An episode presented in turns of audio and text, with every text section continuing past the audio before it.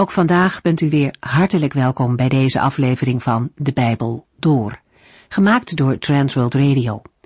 Voor meer informatie kijkt u dan op onze website transworldradio.nl. In deze serie gaat u in vijf jaar tijd met ons de Bijbel door, van Genesis 1 tot en met het laatste vers in Openbaring 22. We hebben in deze serie de vorige keer een aantal bedevaartsliederen uit de Bijbel gelezen. Psalm 124 is een gemeenschappelijk danklied voor de verlossing van de vijanden. De schrijver gebruikt verschillende beelden om duidelijk te maken hoe groot het gevaar was en daarmee ook hoe groot de redding was. Hij opent zijn lied met een herhaling van de zin Was de Heere niet steeds bij ons? Die herhaling geeft sterke nadruk en zet ook meteen neer waar het om gaat. Ook voor deze dag is het een mooi vers om mee te nemen. De Heere is steeds bij ons. Onze hulp komt van de God die hemel en aarde gemaakt heeft. Zo'n bekende zin zegt nogal wat. Het is goed om daar weer eens over na te denken. En ook vandaag staat u er niet alleen voor. De Almachtige God biedt hulp. De volgende psalm 125 opent met een diep vertrouwen op de Heere. Want wie op hem vertrouwt, hoeft niet te wankelen. Zo iemand staat zo vast als de berg Sion. Vertrouwen is niet hetzelfde als begrijpen. Vertrouwen laat zien dat zelfs als wij het niet begrijpen waarom dingen gebeuren, we toch mogen geloven dat de Heere God van ons houdt. In Psalm 126 hebben we gelezen over de zaaier, die onder zijn werk zijn tranen op de aarde laat vallen. Zijn moeite is echter niet voor niets. Zijn doorzettingsvermogen zal beloond worden en op een dag dan kan hij vol blijdschap de oogst binnenhalen. Overal waar mensen zaadjes van het evangelie strooien, in woorden of in daden, is het de moeite waard. Ook wanneer het lijkt alsof er helemaal niks mee gebeurt.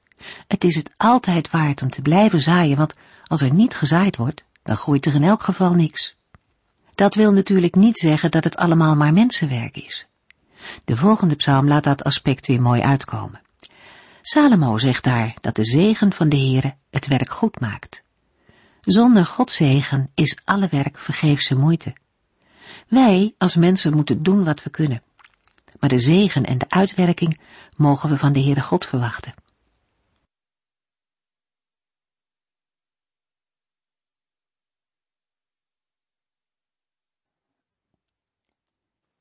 Psalm 132 is een koningspsalm met sterk nadruk op het gebed en met elementen van een lied voor de koninklijke stad. Aangezien er gesproken wordt over nakomelingen van David en over Jeruzalem als woonplaats van de Here, is een datering in een latere periode van het koningshuis van David waarschijnlijk. Psalm 132 is opgebouwd uit twee hoofddelen die nauw met elkaar verbonden zijn. Het eerste deel, vers 1 tot en met 10, is een gebed om trouw aan David. Het tweede, de versen 11 tot en met 18, een beschrijving van de belofte van de Heere aan David. Beide delen bestaan in het Hebreeuws uit tien regels. De twee hoofddelen beginnen en eindigen met een verwijzing naar David. Psalm 132 is de dertiende psalm uit het bundeltje van vijftien bedevaartsliederen. In het eerste hoofddeel, vers 1 tot en met 10, wordt een gebed uitgesproken tot de Heere om trouw te zijn aan David, die zich voor hem heeft ingezet. Het gebed grijpt terug op de belofte die David had gedaan en de vervulling daarvan. Psalm 132, vers 1 tot en met 5. Een bedevaartslied Heere, denk toch aan alle moeite die David heeft doorstaan, hoe hij heeft gezworen aan de Heere en een belofte heeft gedaan aan de Almachtige God van Jacob. Hij zei, ik meen het, ik zal mijn huis niet meer binnengaan en niet meer naar bed gaan, en ik zal de slaap niet vatten, eer ik voor de Heere een plaats heb gevonden waar hij kan wonen. Een woonplaats voor de machtige God van Jacob. De dichter gaat in gebed. Het woord wordt direct tot de Heere gericht. De taak die David zich had opgelegd, heeft hij in een eed kenbaar gemaakt. Die gelofte wordt nu gebruikt om het gebed kracht bij te zetten. In vers 2 wordt de Heere de machtige God van Jacob genoemd. Dat is een ongebruikelijke benaming voor de Heere, die behalve in vers 5 alleen nog voorkomt in Genesis 49 en drie keer in Jesaja. In vers 3 lezen we een eed van David, die niet expliciet is terug te vinden in de Bijbel.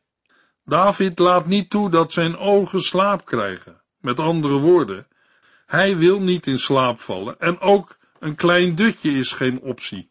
Waarom? Het antwoord lezen we in vers 5. David wil een woonplaats vinden voor de machtige God van Jacob. Hij had het verlangen een huis te bouwen voor de Here. In vers 6 gaat de tekst ineens over de ark van het verbond. Dat blijkt ook uit vers 8. In Israël was er enige tijd weinig aandacht voor de ark, in de tijd van koning Saul. Maar nu, meldt vers 6, hebben zij in Efrata al over zijn woning horen spreken en haar gevonden in de velden van Jaar. Efrata is het gebied waar David vandaan kwam. Volgens 1 Kronieken 2 en 4 is Efrat de stammoeder van de stichters van Bethlehem en Kirjat Jearim. De ark van het verbond had twintig jaar lang in Kirjat Jearim gestaan. Jaar is het enkelvoud van Jearim en betekent bos. Met de naam wordt in ieder geval het omringende gebied bedoeld. De oproep in vers 7 is niet zomaar duidelijk. Het huis waarvan sprake is, is ongetwijfeld de woning van de Heere. Maar in die tijd was er een scheiding tussen de tabernakel in Gibeon en de ark van het verbond. Het lijkt waarschijnlijk dat David met zijn gevolg in Kiriat Jearim is en dat er nu wordt opgeroepen de ark naar de woonplaats te brengen die David de Heere had beloofd. Dat wil zeggen een tent in Jeruzalem. De ark zal naar Jeruzalem worden gebracht en daar kan de Heere dan worden aanbeden. Diep voor hem worden gebogen. Psalm 132 vers 8 en 9. Heere, sta op en ga naar uw rustplaats. U en de ark die spreekt van uw kracht. Laat uw priesters zich kleden in rechtvaardigheid en uw volgelingen jubelen over uw grootheid. Met het einddoel voor ogen wordt de Heere gevraagd om naar zijn rustplaats te trekken. De woorden doen denken aan de formulering die tijdens de woestijnreis gebruikelijk was bij het optrekken van de ark. De ark trok voor het volk uit om een volgende stopplaats te vinden. Nu moet de ark optrekken om zelf die rustplaats in te nemen. Hiermee wordt de reis naar het beloofde land als het ware definitief afgerond. Als de ark van het verbond in een speciale rustplaats in Jeruzalem is gebracht, zullen de priesters hun dienst met toewijding moeten vervullen. Zoals de Heere rechtvaardig is, zo moeten ook de priesters rechtvaardig zijn. Dan zullen zij de Heere op de juiste manier vertegenwoordigen en zal er onder Gods volgelingen reden zijn om te juichen. Het gebed dat in vers 1 begonnen is, wordt na de verklarende onderbreking van de versen 3 tot en met 9 in vers 10 weer opgepakt en afgerond. Waarschijnlijk is hier de koning aan het woord, de gezalfde van God. De Targum, een rabbijns geschrift, denkt specifiek aan Salomo. Psalm 132 vers 11. De Heere heeft David een kostbare belofte gedaan, die hij nooit zal verbreken. Hij zei, een van uw eigen nakomelingen zal ik koning maken. Hoewel het gebed om zegening onderstreept werd met de belofte van David, lijkt de dichter nog niet zeker te zijn van zijn overredingskracht. Hij verschuift de aandacht naar de belofte van de Heere om zijn gebed nog meer te versterken. De tekst grijpt terug op woorden uit 2 Samuel 7, vers 11 tot en met 16, hoewel daar niet letterlijk over een eed wordt gesproken. Het gaat om de belofte van een koningshuis, want de belofte blijkt niet alleen voor de zonen van David, maar ook voor hun zonen. Maar er is een voorwaarde. Davids zonen zullen het verbond van de Heere en zijn voorschriften moeten bewaren. Verbond en voorschriften zijn hier parallel en met beide wordt hetzelfde bedoeld. In vers 13 volgt de reden waarom de Heere zich aan het nageslacht van David heeft verbonden. Hij heeft Sion, Jeruzalem, uitgekozen. De woorden in vers 13 zijn opmerkelijk, omdat er in 2 Samuel 6 en 7 nergens over een kiezer van de Heere wordt gesproken. Pas in de dagen van Salomo wordt Jeruzalem de stad die door de Heere is gekozen.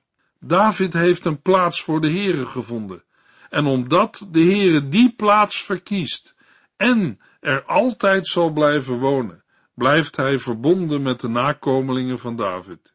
Die verbondenheid wordt concreet gemaakt in verschillende zegeningen. Naast de overvloed aan voedsel zullen er ook geestelijke zegeningen zijn. Het is de Heere die verlossing in allerlei opzichten schenkt, en de priesters van Jeruzalem zullen daarvan getuigen. Het goede nieuws wordt door hem bekendgemaakt, zodat men het hoort en leert en zich erover kan verheugen. In vers 17 wordt gesproken over de groeiende macht van David, of beter gezegd, de gezalfde, die in de lijn staat van David. Het is de Heere die deze koning zegenen wil, met een bloeiend en groeiend koningschap dat boven alle vijanden is verheven, zoals ook in Psalm 2 is beloofd. Na de ballingschap zal het lied de Messiaanse hoop hebben gevoed, maar ook het vertrouwen dat Jeruzalem opnieuw met heerlijkheid zal worden vervuld. Er is uitzicht vanwege Gods belofte, ook al is dat niet altijd zichtbaar in omstandigheden. Gods koninkrijk in Jezus Christus zal baanbreken. Gezien het karakter van Psalm 132 is het verrassend dat het Nieuwe Testament maar weinig gebruik maakt van de psalm. In Handelingen 7 vers 46 citeert Stefanus Psalm 132 vers 5 en Petrus betrekt Psalm 132 vers 11 op de Messias, Jezus Christus, in zijn toespraak op de eerste Pinksterdag. We gaan verder met Psalm 133. Psalm 133 is een bedevaartslied van David. De psalm bestaat in feite uit één stelling. Die wordt uitgewerkt met twee diepgaande vergelijkingen. De stelling betreft de broederlijke eenheid. Die eenheid is als een kostbare zalfolie waarmee Aaron werd gezalfd en net zo kostbaar als de dauw van de berg Hermon. Psalm 133 is het op één na laatste lied van de vijftien bedevaartsliederen. Psalm 133 vers 1 en 2. Een bedevaartslied van David. Kijk eens hoe goed en waardevol het is als broeders in vrede met elkaar omgaan. Dat is net zo kostbaar als de olie waarmee Aaron werd gezalfd en die van zijn baard af op zijn kleding vloeide. Alle Israëlieten waren vanwege hun gemeenschappelijke afkomst broeders, ongeacht hun sociale positie. Omdat Psalm 133 een bedevaartslied is, ligt het voor de hand dat er bij deze psalm gedacht is aan de eenheid van het volk tijdens de grote feesten in Jeruzalem. In het Nieuwe Testament worden gelovigen opgeroepen hun uiterste best te doen de eenheid te bewaren die de Heilige Geest onder u tot stand heeft gebracht. Er wordt ook bij gezegd hoe dat moet gebeuren, door in vrede met elkaar te leven. De bezongen eenheid is te vergelijken met olie. In het Oude Testament is salving met olie ook verbonden aan de inwijding van priesters en koningen. Daarbij stond de olie symbool voor de geschenken van de Heer aan zijn volk en de toerusting voor de taak die deze leiders zouden dragen.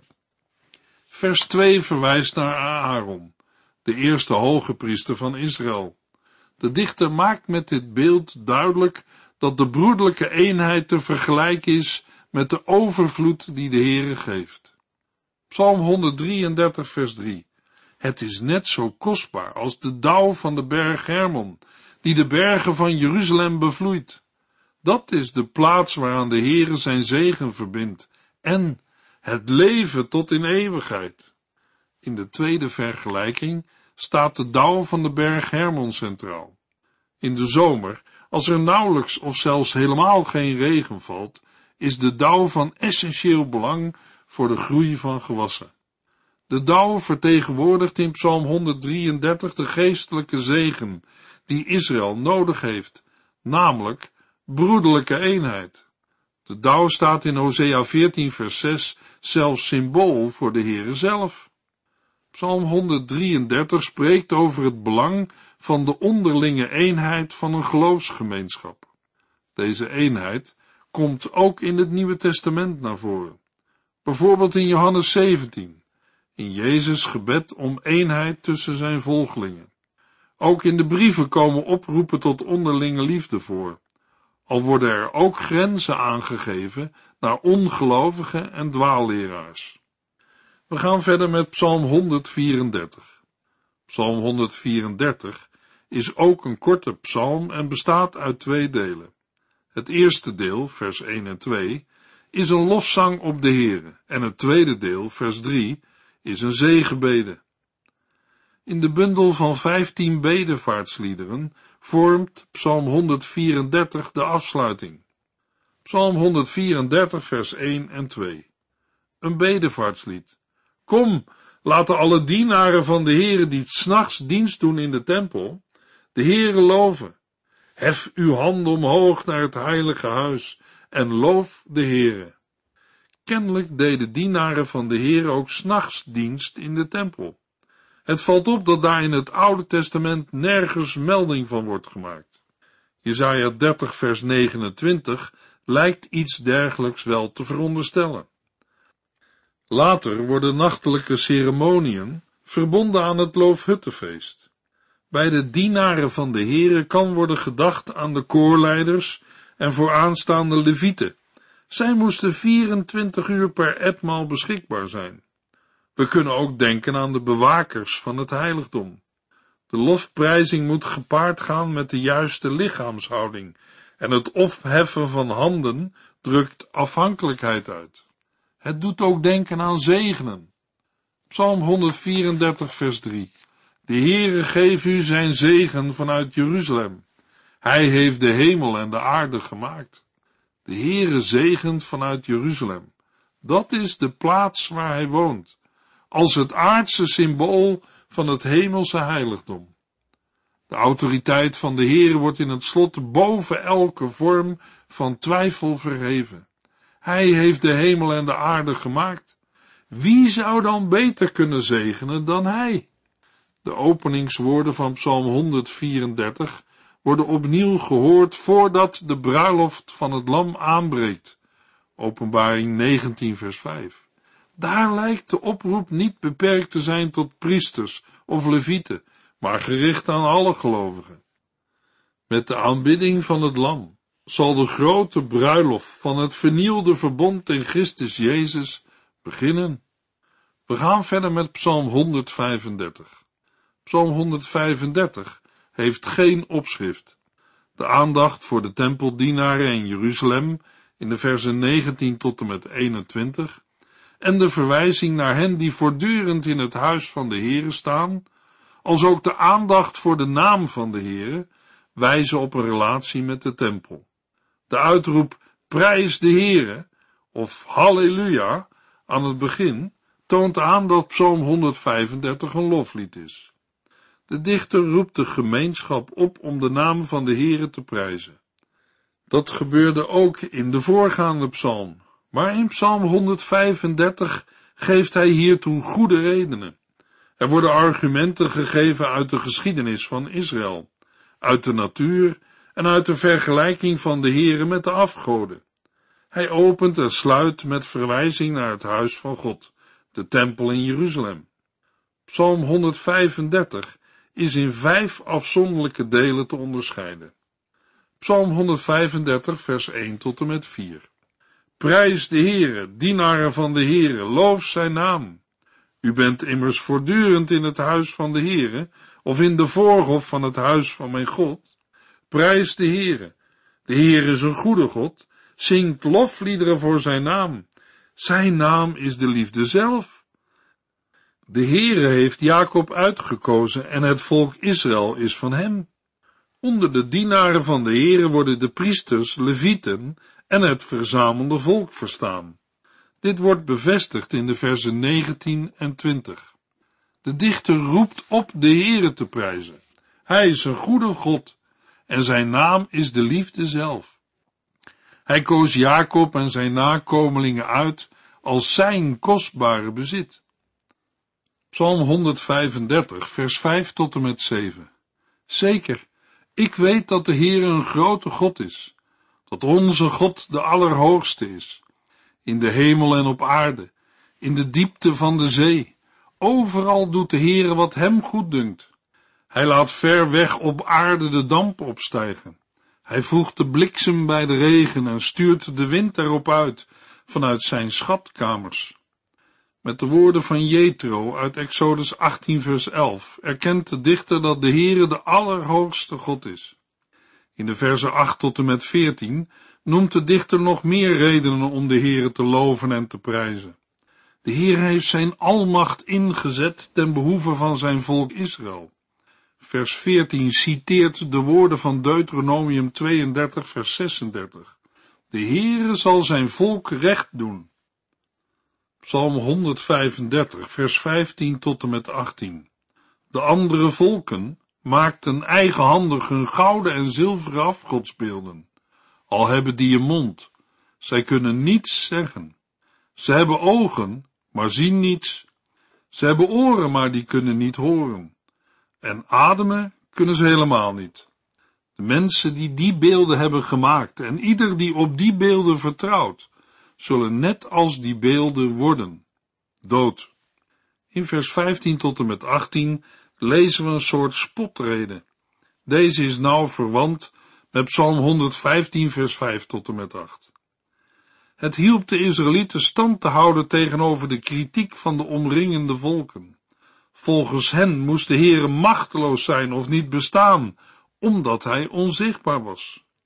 De spot toont ook de tegenstelling tussen de Heere, die de maker is, en de afgoden, die werk van mensen zijn. Wie op afgoden vertrouwt, zal aan zijn einde komen zoals zij, dood. In de versen 19 tot en met 21 staat net als in de vorige verse het patroon van Psalm 115 centraal. Vier keer roept de dichter op om het vertrouwen alleen op de Heere te stellen. Aan de oproep geprezen zij de Heere voegt de dichter ter afsluiting de woorden in Jeruzalem toe. Prijs de Heere. De oproep om de Heere te vereren gericht tot al de dienaren van de Heere en iedereen die ontzag voor de Heere heeft, is zichtbaar in de hemelse visioenen van aanbidding in openbaring 19 vers 5. Petrus roept in zijn eerste brief op om de grote daden van God in de wereld te verkondigen. Helpt u mee? We gaan verder met Psalm 136. Psalm 136 gaat over Gods genadebewijzen in de schepping en de geschiedenis. In Jeremia belooft de Heere dat er na de verwoesting van Juda en Jeruzalem weer vreugde zal komen en dat er zal worden gezongen. Dank de Heere, want Hij is goed en zijn goedheid en trouw zijn eeuwig. Ik zal dit land weer net zo gelukkig en welvarend maken als vroeger. Het lied is te horen bij Esra en in de psalmen. Nu komen we het, meer in detail, tegen in psalm 136. De versen van deze bijzondere psalm spreken vaak voor zich en hoeven niet altijd uitleg. Er zijn twee belangrijke opmerkingen te maken over het genre. Allereerst wordt psalm 136 in de Joodse traditie het grote Hallel genoemd parallel aan het kleine Hallel, Psalm 113 tot en met 118. Hallel betekent prijs. Het maakt dat we Psalm 136 een loflied kunnen noemen. Aan de andere kant geeft de inhoud aan dat we de psalm ook een danklied kunnen noemen. In de tweede plaats is Psalm 136 de meest duidelijke beurtzang uit het Bijbelboek Psalmen. Een beurtzang wordt door twee partijen gezongen of voorgedragen als een dialoog. De Torah en profetische teksten kennen deze vorm ook. Expliciete informatie over het liturgisch gebruik van een beurtzang vinden we pas in bronnen uit de tijd na de ballingschap. Psalm 136 vers 1 tot en met 3. Prijs de Heere, hij is een goede God, want zijn goedheid en liefde zijn eeuwig. Prijs God, hij staat boven alle goden, want zijn goedheid en liefde zijn eeuwig. Prijs de Heere die boven allen staat, want zijn goedheid en liefde zijn eeuwig. In elk van de 26 versen van Psalm 136 wordt de goedheid en liefde van de Heere genoemd. Ook het Nieuwe Testament is vol van Gods liefde. In Efesiërs 2 vers 4 en 5 zegt Paulus, maar Gods liefde voor ons is zo groot, dat hij ons volledig gratie heeft verleend, zelfs al waren wij door onze overtredingen dood voor hem. Luisteraar, waarom zou een mens denken dat de Heere hem of haar niet wil vergeven? Als mensen geen vergeving ontvangen, dan komt dat vaak omdat zij de Heere er niet echt om gebeden hebben. Dan zijn ze niet bereid om met berouw en bekering tot de Heere te gaan. Of ze hebben gelasterd tegen de Heilige Geest.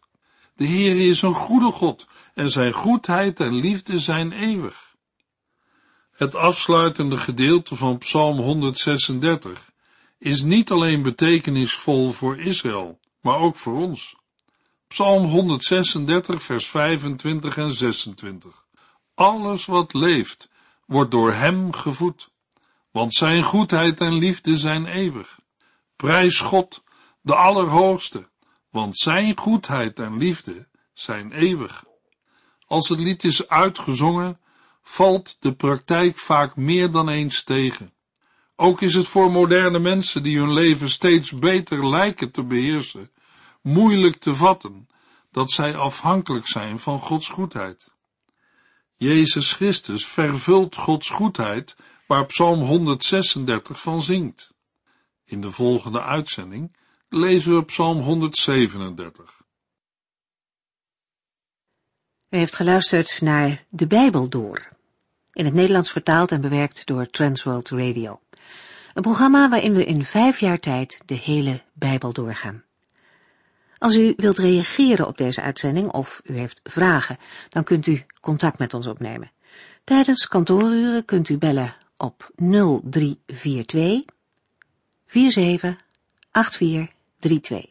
0342 47 8432. Ook kunt u een e-mail sturen naar de Bijbel at transworldradio.nl en natuurlijk kunt u ook via de post ons bereiken. TWR, postbus 371, postcode 3770, AJ in Barneveld. Dit programma werd gepresenteerd door Cor Weda en Ike André. Techniek was in handen van Odin van Voerkom. En wij allemaal bedanken u voor het luisteren. Graag tot de volgende keer.